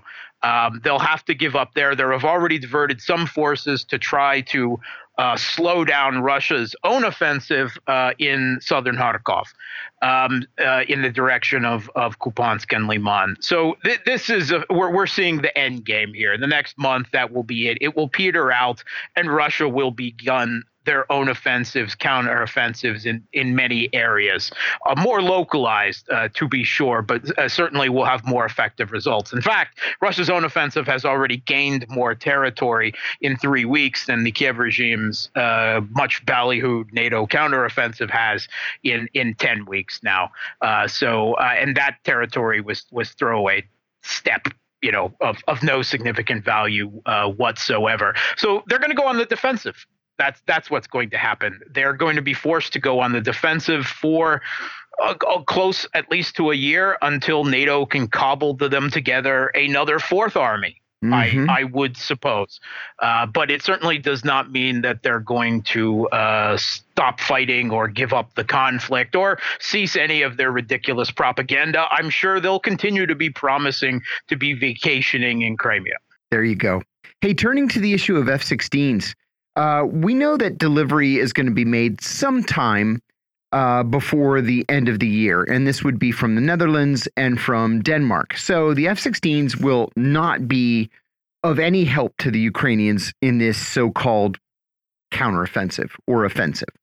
You also mentioned last week that that we're talking about a relative small handful of, of F-16s, not a fleet of them coming from different countries. The pilot training won't be done in the near term. There aren't enough Ukrainian pilots who speak English anyway, while the training is in English, and there aren't any spare parts yet available. So this doesn't sound to me like the F-16s are going to be any help at all to the Ukrainians. Is is that correct? Yeah, they're not. This is a political gesture. It has has no basis in a military reality, which is why the Pentagon has avoided it and is not sending any US F-16s. Right. But they're saying, you go Denmark and Netherlands, you send your old 1980s F-16s, and then you can buy our brand new F-35s at a slight discount. Uh, you know that that that's the deal that is being made. They're going to be stripped of of any advanced electronics. The the eight pilots that are now being trained oh and receiving uh, English lessons uh, won't be ready until well into next year. So I don't even know what they're going to do if they get 16 or uh, 24 of them or whatever. And Russia has some 700 aircraft perched just around Ukraine. And a great number, hundreds of those aircraft are fighters, a considerably newer, more modern, better ranges, uh, you know, better missiles, everything than you know 1980s Top Gun uh, F-16s. Right. And Maverick aside, this is certainly no game changer. It is a, no one knows where they're going to fly these things out of because there's no uh, there's no pristine long airfields in Ukraine for them, and Russia will just immediately target them uh, with its long range strike missiles, Kalibr cruise missiles, drones. If they're going to fly them out of Poland and Romania, or Western mercenaries going to be flying them? There's so many. Who's going to be doing maintenance on them? Where are they going to get the parts from? There's so many unanswered questions. Uh, but but uh, on top of Russia's own air force, they'd be facing what everyone agrees is the best air defense in the world. They would be slaughtered, and everyone knows it. Which is why, like the Abrams, the U.S. has made promises, uh, but they are not going to be delivering on anything. Uh, now, weeks ago, we talked about where these F-16s would be based, and I want to ask you the same question I asked you uh, several weeks ago. Uh, if if they're in Ukraine, which they pretty much have to be, uh, they're they're going to be potentially sitting ducks for for the Russian uh, Air Force. If they're in the Baltics or Poland, that's an act of war against Russia, a NATO act of war. So, what do the Ukrainians do with these F-16s once they get them? They're going to fly them out of Poland, more than likely. Um, in Good fact, grief. there are many Russian military analysts say that the handful of Su 24s that the Kiev regime has left to use the Storm Shadow British uh, cruise missiles are already being flown out of Poland. Uh, that they are being um, wow. uh, stopping for one refueling. Uh, and then la- go launch their missiles and then go back to safety out of the country where they're not being hit. If if this is true, uh, which does make a lot of sense considering how thoroughly Russia has been pounding the Kiev regime's airfields. Then um, Russia uh, certainly knows it and is keeping quiet because they do not want, they are not ready yet to announce a direct NATO Russia war. Scary, man. Uh, there was a piece in the New York Times today saying that the cluster munitions provided to Ukraine by the United States have been fantastically effective. That was actually the, the term that they used. You can It- tell by the successes on the battlefield. Oh, yeah, yeah, it's a game changer. Um, many countries, of course, consider these munitions to be um, to be a war crime, but the article went on to say that many have been left unexploded and are now a danger to Ukrainian civilians, which literally everybody predicted would happen. How much of a problem are these unexploded munitions going to be, do you think? Are we looking, for example, at a problem like what we saw in Laos and Cambodia at the end of the Vietnam War, actually until today, with unexploded landmines? Yeah. Um, uh, first of all, they're probably immediately a more of a danger to Ukraine's own troops because they're using them in place of normal artillery against Russian trenches. Oh, boy. And then telling their own troops to go occupy those trenches where they've just laid down an rat's minefield of unexploded cluster munitions. You see where cluster munitions on the attack is actually not such a great idea. They're Mhm. far more effective as a defensive weapon. Um, and um, they've already been using cluster munitions in this conflict. Now they're using a lot more of them. The thing is, uh, Russia has now felt free to use unrestrained use of their own cluster munitions. Yeah. and they have a much larger and more varied arsenal and they are using them when it makes battlefield sense now to use them not because they have to use them because they don't have enough normal 155 millimeter frag- high explosive fragmentation shells. Uh, so it's certainly not fantastically effective whatever the new york times. It hasn't resulted in anything on the battlefield. It's simply keeping them longer in the fight giving them something to throw. And russian reports on the ground are saying that actually about 20% of of the uh, they're not even uh, releasing any of their submunitions. They're just complete duds, probably because they've been pulled out of storage uh, where they've been for so long without uh, adequate maintenance. Uh, so, um, in terms of Ukraine. Uh, in terms of mines, which have been a huge part of this conflict, including Russia's defense, but also the Kiev regime, uh, one third of Ukraine is now covered by mines, according to independent reports reported in New York Times, some 67,000 square miles. Um, and um, it, it, the conflict is still raging, going on, and people are laying mines and more ordnance and cluster unexploded cluster munitions are increasing everywhere. I would say that Ukraine is going to end up worse than Laos and is looking at far longer than 800 years to oh remove my all God. of this ordnance. Ukraine is now the most mined country on earth, period. Wow.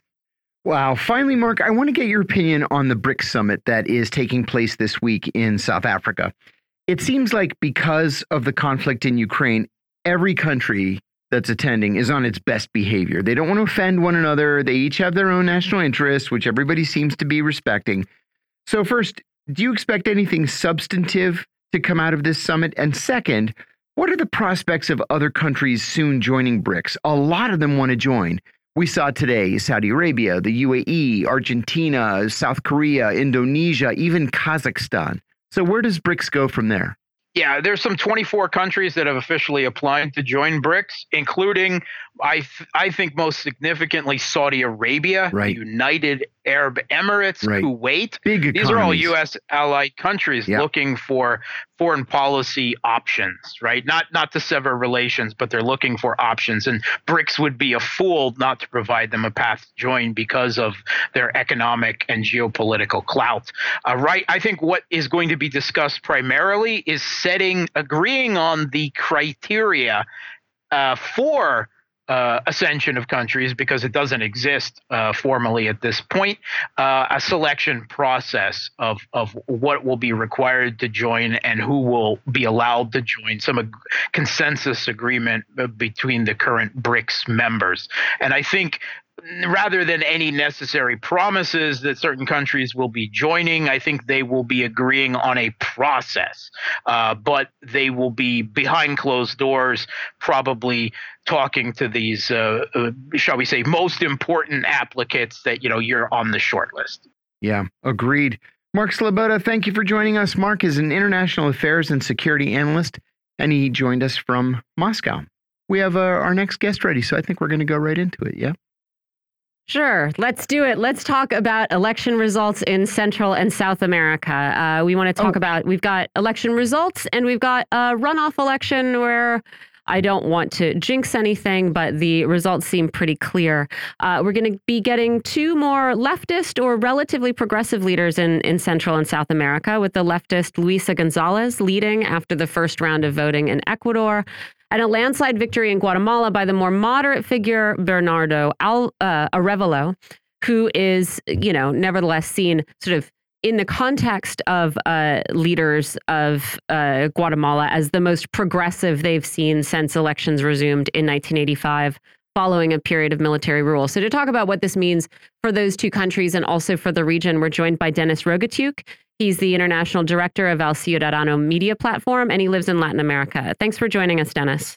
Oh, always a pleasure to come back. So let's talk about um, Guatemala, where uh, Arevalo is not a leftist, but by Guatemalan presidential standards, he's very progressive. He ran on a, uh, an anti corruption platform. I think it was the New York Times who quoted someone as voting for him uh, as saying, he and his people seem to not be involved in criminal activity, which I sort of joke that on one hand feels like a really low bar, and on the other hand uh, feels like something I wish I could say with any certainty about anybody I get to vote for in the U.S. So, you know, who, who's this guy, and what does his election tell us? Uh, well, Michelle, the, the uh, Bernardo Arevalo is uh, is a curious figure in the Guatemala, in sort of the political space of Guatemala, as um, he's uh, well, I say one of the most notorious political posts that he had was uh, the Guatemalan ambassador. Uh, to Spain in the late 1990s and the early 2000s, and and he has also had various you know academic posts. So he, I would say, really comes more from the sort of technocratic, progressive, liberal um, section of the population, from the intelligentsia of the uh, of the population. As you said, uh, this is not a, a person who uh, calls himself left wing mm-hmm. or socialist or anything or anything like that, but who nevertheless ran ran on a progressive platform. Now, but the party which supported his uh, uh, candidacy and the party, and the party that he Renon, Renon Semilla, or seed uh, mm-hmm. from Spanish, is a left wing movement. And it has been, and it is a left wing movement that has been gathering sort of steam in the last uh, in the last couple of years in Guatemala, as this is a this is a left wing anti corruption uh, political party, which really which really sort of has been attempting to create this uh, broad alliance of, of progressive forces against uh, not just against not just the existing uh, well, uh, against the uh, con- extremely conservative administrations that have been uh, that have been governing, governing uh, Guatemala for the good, for, I think for the last say 50, roughly 15 years, but also as um, as as a really sort of try, trying to build for the first time since the end of the of the civil war a viable progressive uh, alliance of forces of, of, of forces. Uh, now, Arevalo, I believe Arevalo, Arevalo was chosen, I say, more as a uh, as a as a candidate who could, on one hand side, uh, he, uh, he was an, he is an outsider to the uh, to either the uh, you know the Guatemalan political space and an outsider also well in in the whole climate of the of the country mm-hmm. as as you said you know having you know someone who who hasn't indulged in corruption is a huge is a huge boon, is a is a, huge advantage uh, for any political party uh, to have in that in that country. Um, so therefore, his I say his candidacy and his image really gathered a lot of support. Very surprisingly, uh, starting from the first round and going into the uh, into the second round, uh, really based on this uh, on this whole platform that he doesn't just uh, represent you know kind of this fight against you know the corrupt deep state of, of Guatemala as one would call it, but also like a, a hope of, of some progressive change in the country as well. You know, it's interesting how corruption is always invoked, right? On both sides, right? Corruption is constantly invoked to, uh, you know, as as the thing that really needs to be tackled before any progress can be made. Uh, you know, certainly uh, petty corruption and and higher level corruption, uh, but both affect people's lives very profoundly. I think it's sometimes easier to see how petty corruption affects people's lives directly, which is why we're so blind to the the more high level corruption that's more prevalent in the United States. But I, I wonder if you could sort of talk a little bit about why you know the, candidates are always sort of trying to to out anti-corruption each other. And it seems to me on one hand a very um, important and noble fight. And on the other i don't know a very a very like useful state of affairs to have constantly you know existing as something to run against or as something to invoke when you want to interfere in a country. I wonder if you could just talk a little bit about like what the, the corruption narrative in, in Central America? Certainly, I would say not just Central America, but also throughout throughout Latin America. Uh, there's certainly been instances where you know this the anti-corruption stance proved to be very popular and very useful for various politicians of the left and the right. Uh, we have to we have to remember we have, we have to think back to the uh, to the first presidential campaign of Hugo Chavez in Venezuela. I mean, he ran on this on the on this platform of, of anti-corruption, of uh, of you know fighting against this political duopoly that exists existed in Venezuela at that time. You know, for progressive change in the country, for a new constitution. Uh, so really, uh, you know, the anti-corruption narrative often goes hand in hand with the anti-establishment and sort of this anti-elite uh, narrative as well.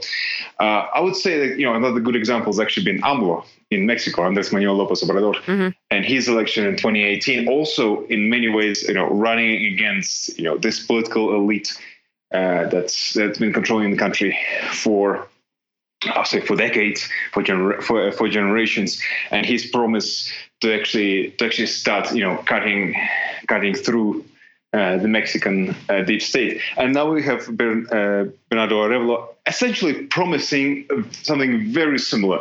I would say that uh, the the platform of Arevalo in Guatemala does have a lot in common with AMLO in uh, in Mexico. I would say he he's def- he's definitely much more much closer in terms of like his image and his policies to AMLO than uh, say to the left to the more sort of radical left wing presence in the region.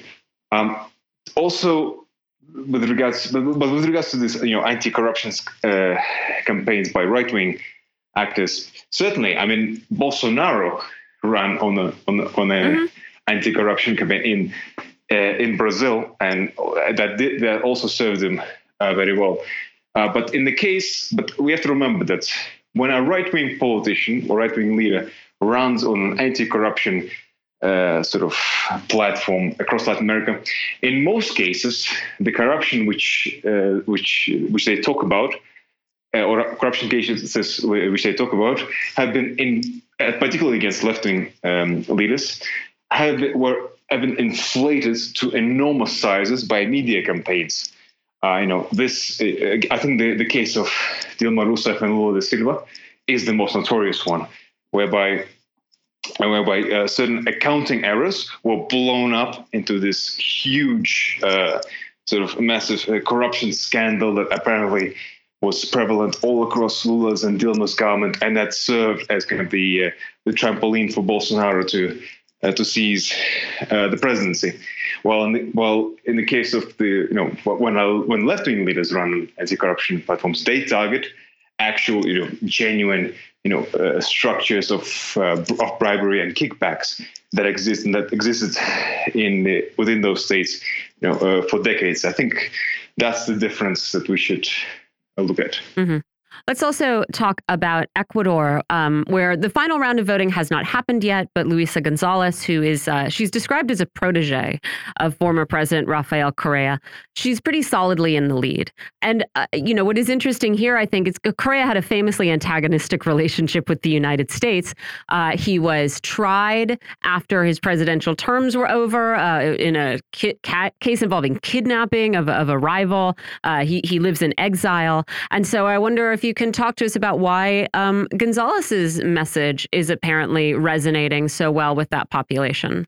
Well, uh, Michelle, the reason because the reason for that is because the message of Luisa Gonzalez is effectively the same as the message of Rafael Correa uh, during his presidency from 2007 to 2017, and that is the message of you know what they call the década ganada or the victorious decade. You know, the the time you know the most prosperous time in the history of Ecuador uh, when you know when, when millions of, of Ecuadorians were lifted out of poverty, uh, when the uh, when the country experienced you know kind of this real economic and cultural uh, rebirth with new with a lot of new projects in infrastructure and in the medical sorry, in the sorry in the healthcare uh, sector. A new a new constitution which recognized the rights of nature recognized the rights of the indigenous uh, people so uh, really kind of kind of this, this period of um, of real uh, recovery and, and rec- recuperation after decades of neoliberalism.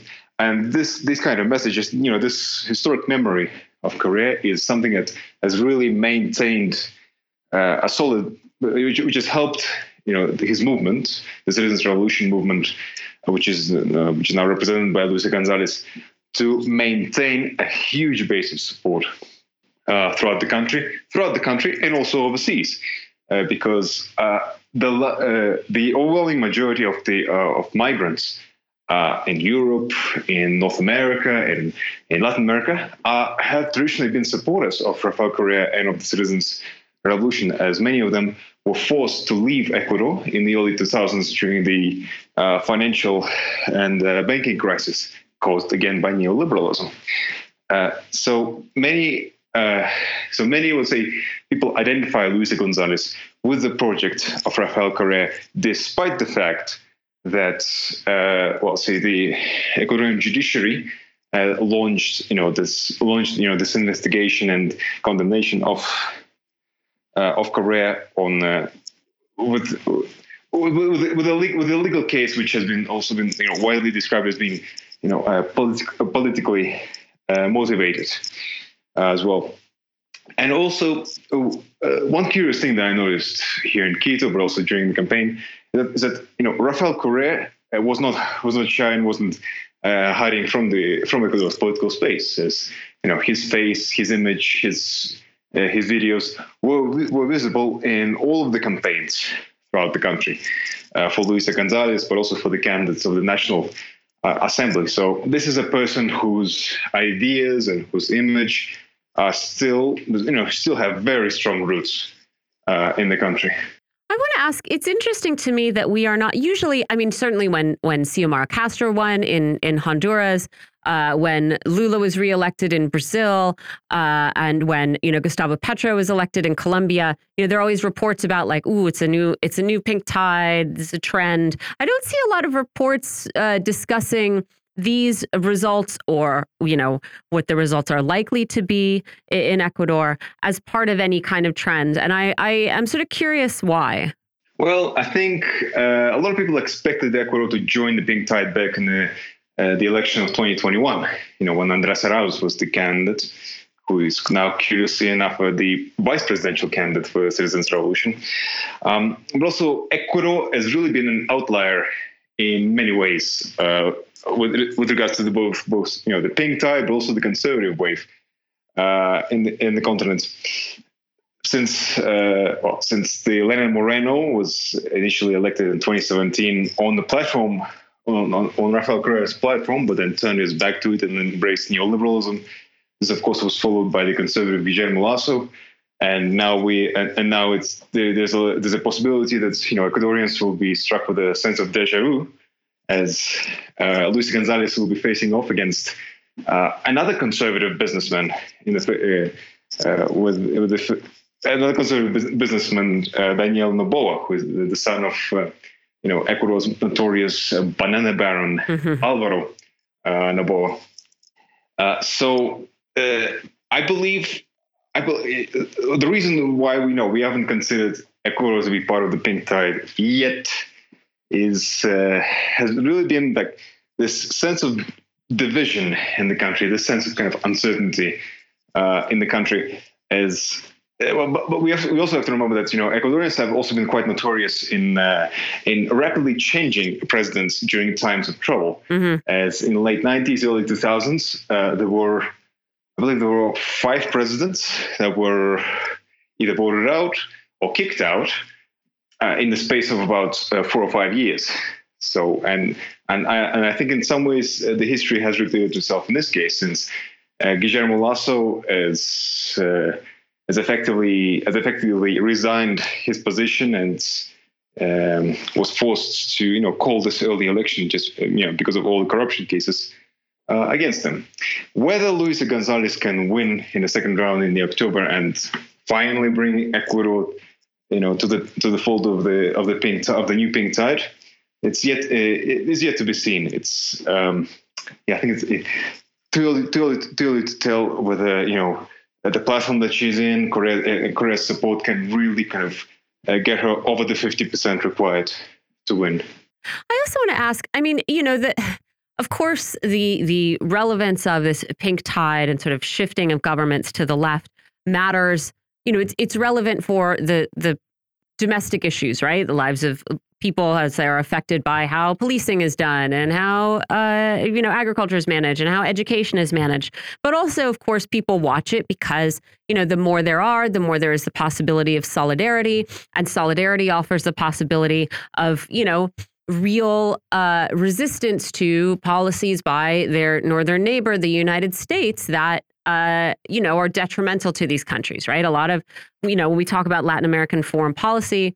Um, and how foreign policy affects domestic policy, we have to look at the United States. And so I wanted to ask, you know, with that in mind, what what do some of these leftist leaders new, need to do to demonstrate that they deserve to be in power, to stay in power, power to enact reforms, and and you know who who is there to either help them or to block them?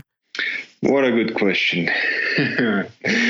um, I think I, I, want to draw on some practical examples uh, throughout Latin America, throughout the new progressive ways of Latin America of what not to do mm. once you are elected. I'm going to start with Gabriel Boric in, no. Boric in uh, Chile, mm-hmm. and his uh, say statements and his various positions on uh, international issues. Uh, unfortunately, Boric, I would say, is, is someone who uh, really uh, sort of uh, belongs to the, you know this postmodern liberal left uh, in, in Chile that was formed, you know, uh, in the late uh, sort of the first decade of 2000s and the early 20, 2010s, which effectively tried to to go this line of you know of rejecting and in many ways opposing uh, the revolutionary governments, Venezuela, mm-hmm. Nicaragua, and Cuba, and this re- this is reflected in his, you know, in many of his positions and in many of his speeches, but also supporting U.S. foreign policy in, um, in sometimes in the region, but also in the, in the rest of the world. As Boric, Boric actually supported the U.S. position on the conflict in Ukraine. And you know, this is you know when this happens. Uh, uh, when this happens, this is when we really should you know, you know call into call into question you know their you know their, their credibility of, of wanting to uh, of wanting to have a sovereign government and independent and a government independent of, uh, of foreign interests. So when you see this happen in a in a, in a, in a, in a way that, that repeats itself, you know this is, these are the the main kind of red flags, no pun intended, about. Uh, about who not to support. Now, on the other hand, um, a practical example I would say of someone who does deserve support, even though uh, not all of his policies are perfect, is Gustavo Petro in Colombia. Uh, now, Petro is someone who I'd say uh, also kind of came from more of a new wave of uh, progressive uh, leaders in Latin America, but and, and who's someone who has also, you know, attacked the governments in Nicaragua and Venezuela, but is also someone who also over, over the time recognized, you know, the need for reconciliation and the need for an independent foreign policy. And this is why he um, he actually repaired relationships, the, the, relations with Venezuela. This is why he actually traveled to Venezuela and met with Maduro, and effectively and effectively kind of started to uh, uh, put put uh, started to really um, dismantle you know this uh, you know this much this machine this anti-Venezuela machinery that was built by the Colombian state of, uh, over the years. When we see these kinds of, initi- of initiatives, uh, we say that yeah, you know the, these people, considering you know the kind of pressure they're under and how this will be seen by the right-wing forces within their country, you know, this is definitely something that's that's uh, that deserves uh, support. And then finally, we have we have someone like AMLO in Mexico, whose foreign policy, I would say, has actually been the best uh, throughout Latin America. Uh, taking into consideration, you know, the, the domestic factors, uh, of course. This is someone who has uh, who has defended Latin American integration, who has defended Latin American unity through CELAC. This is someone who refused to, uh, who, was someone who refused the United States uh, pressure on many issues. Uh, this is someone who has embraced the multi, multipolar world of uh, was was embraced an initiative uh, like BRICS. Someone who refu- who refused to place sanctions on on Russia or or to censor uh, Russian media in the country, or to send any kind of uh, support to the regime in uh, in Ukraine.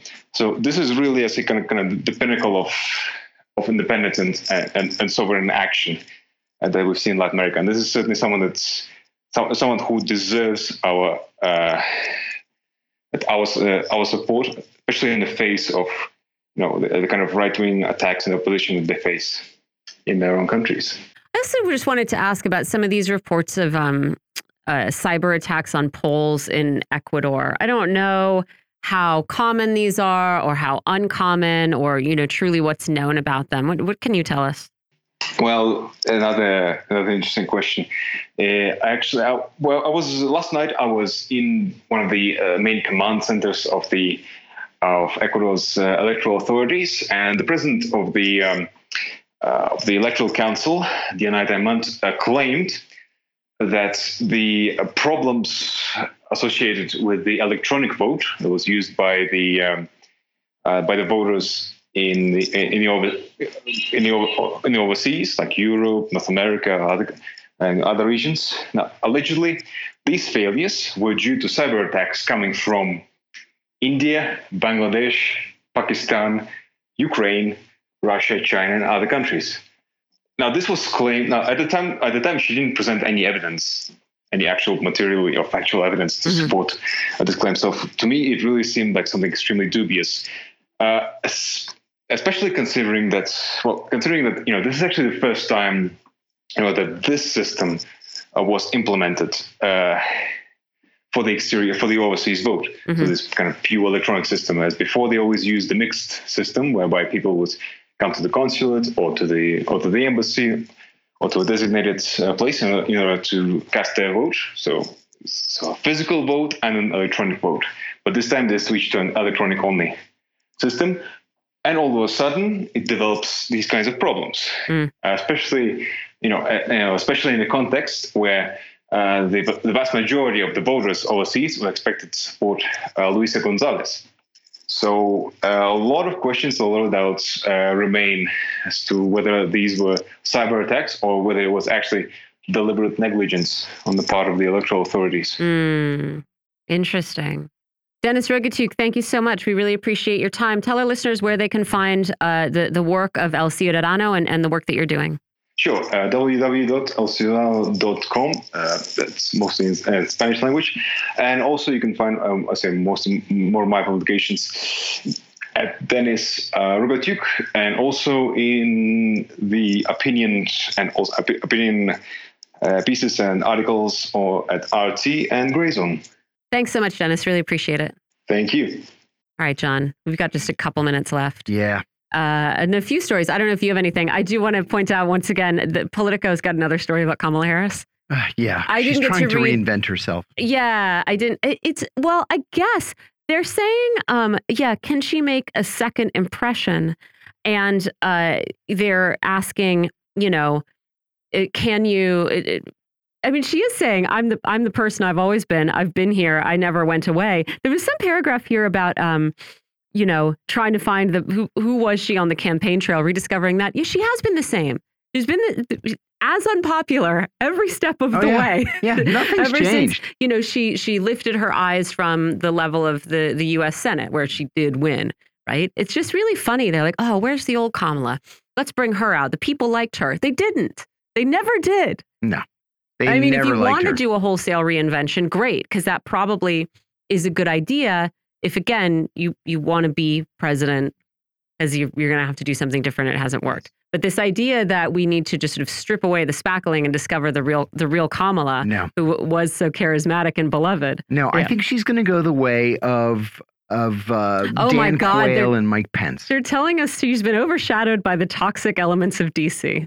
For God's sake. She's one of the toxic elements of DC. That's the problem. They're like, what we need, we need our, our old off script. Where's our off script? I know this, Kamala. Kamala Harris off script? I mean, sure, I would like more of it because it is pretty funny.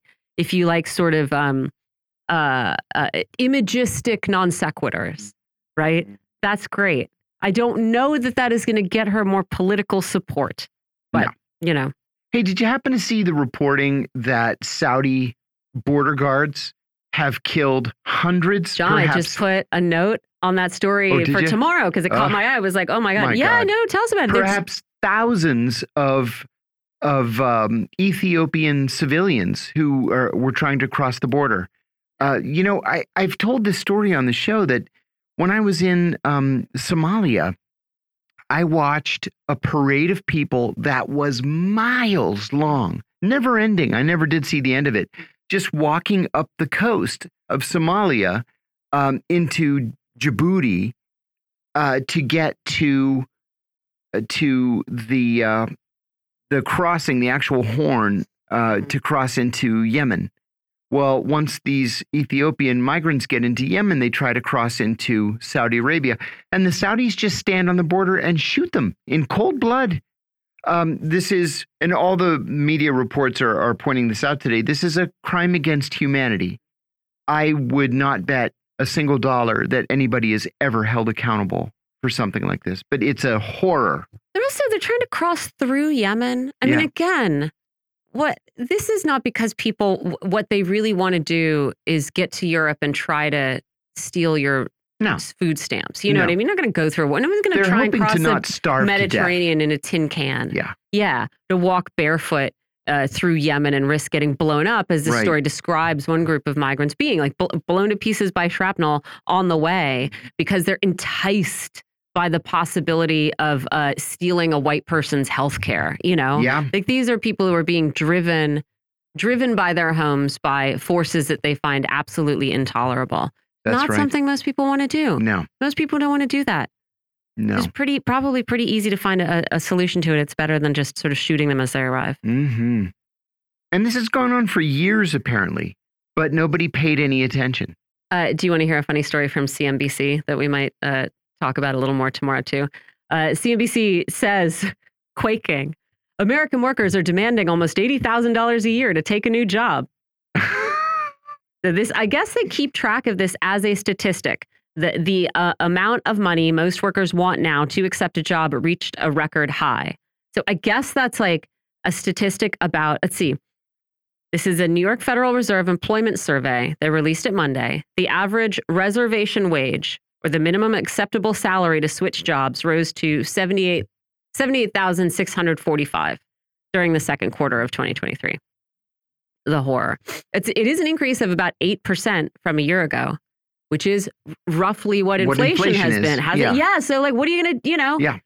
That's the world we live in. That's how much it costs, people. in. Mhm. Uh, I also have up here a handy story from Fortune ta- telling us how much you need to afford $2,000 in rent. What's uh, the answer to that? I believe it is something like, oh man, I just had it here, but I believe it is about $80,000 a year, right? To afford. And uh, if you, it, there are lots of different um, estimates or uh, for um, what is the cost of an average apartment of what size in the United States, but they range from like seventeen hundred dollars to uh, twenty five hundred. But I think I think it's around seventeen hundred dollars for for a one bedroom. And yeah, if you want to pay two thousand dollars a month of rent, you need to earn at least eighty thousand annually. If you're going to stick to that rule of only paying thirty percent of your salary, uh, of your monthly salary and rent wow. which is a rule I really don't know. I would be very curious what po- the population of uh, Washington D.C. is that actually pays thirty percent or less of their monthly paycheck for rent. Honestly, I don't know anybody who pays less than 30%. I mean, I think there's a there's a cohort of people in the Washington D.C. area who make a lot of money, Yeah. who will pull that figure. Like they're Sure. they're going to be the ones, and then it's like everyone who is, unless you are in the echelon of making quite a lot of money. yes. Everyone or who you've is, I would say, a normal, a normal person Yeah. is not paying that much. Maybe if you are in a two-income household, So if you've got two, if you you know if you're if you're a double income household, then I I would hope that only thirty percent of your combined incomes is going to rent. But if Mhm. you're single, psh, yeah, Best of luck with that. I know. Yeah, I mean, good on them. Glad they're asking for that. Some of the people that I that I know, uh, we're not like you know close friends or anything, but I, I know them like as Facebook friends. Mhm. They post regularly about their houses at the beach and their houses in the mountains and their houses at the lake and their Mhm. houses at the resort. And it's like, ah, yeah, yeah, hmm just can't look at it. Sorry. Oh, and also, what is this you sent me just now about um, Donald Trump and several co-defendants in this Georgia racketeering case are expected to be working out the terms of their bond today. Right. You know, it appears that uh, that the Georgia situation is not going to be like the federal uh, the federal arraignments where Trump was really uh, shown deference. hmm You know, he wasn't uh, he wasn't fingerprinted. He wasn't photographed. That's why nothing has leaked out. He's the former president of the United States. They know who he is. Mhm. Georgia's different. This is a state court system. And so Trump's lawyers are in Atlanta today to negotiate Trump's surrender to Georgia authorities, where he will be booked and photographed and fingerprinted. Um, he won't be formally arraigned because they don't need to do that in Georgia if you've been indicted by a grand jury. What kind of bond are you going to ask for? It's got to be personal recognizance. Yes, right. I would. Th yes, of course. That was a that was a dumb question. I just blanked for a minute. no, I was like, is there a sort of minimum bond? Because like, yeah, of course, Donald Trump's not going to flee. An alternative could be um, an unsecured bond. For example, in his case, Jeffrey Sterling was was given uh, personal recognizance. Mhm. My attorneys asked for personal recognizance, but they um, the judge instead gave them two hundred and fifty thousand dollars Unse- unsecured. Right, So, so- I just signed my thing. Yeah, I promised to give you two hundred fifty thousand if I run away, and Yeah. that was the end of it. Well, I expect we'll learn more tomorrow if they're negotiating today. And that's all we got time for. Thanks for listening, everybody. We'll talk to you tomorrow. Bye.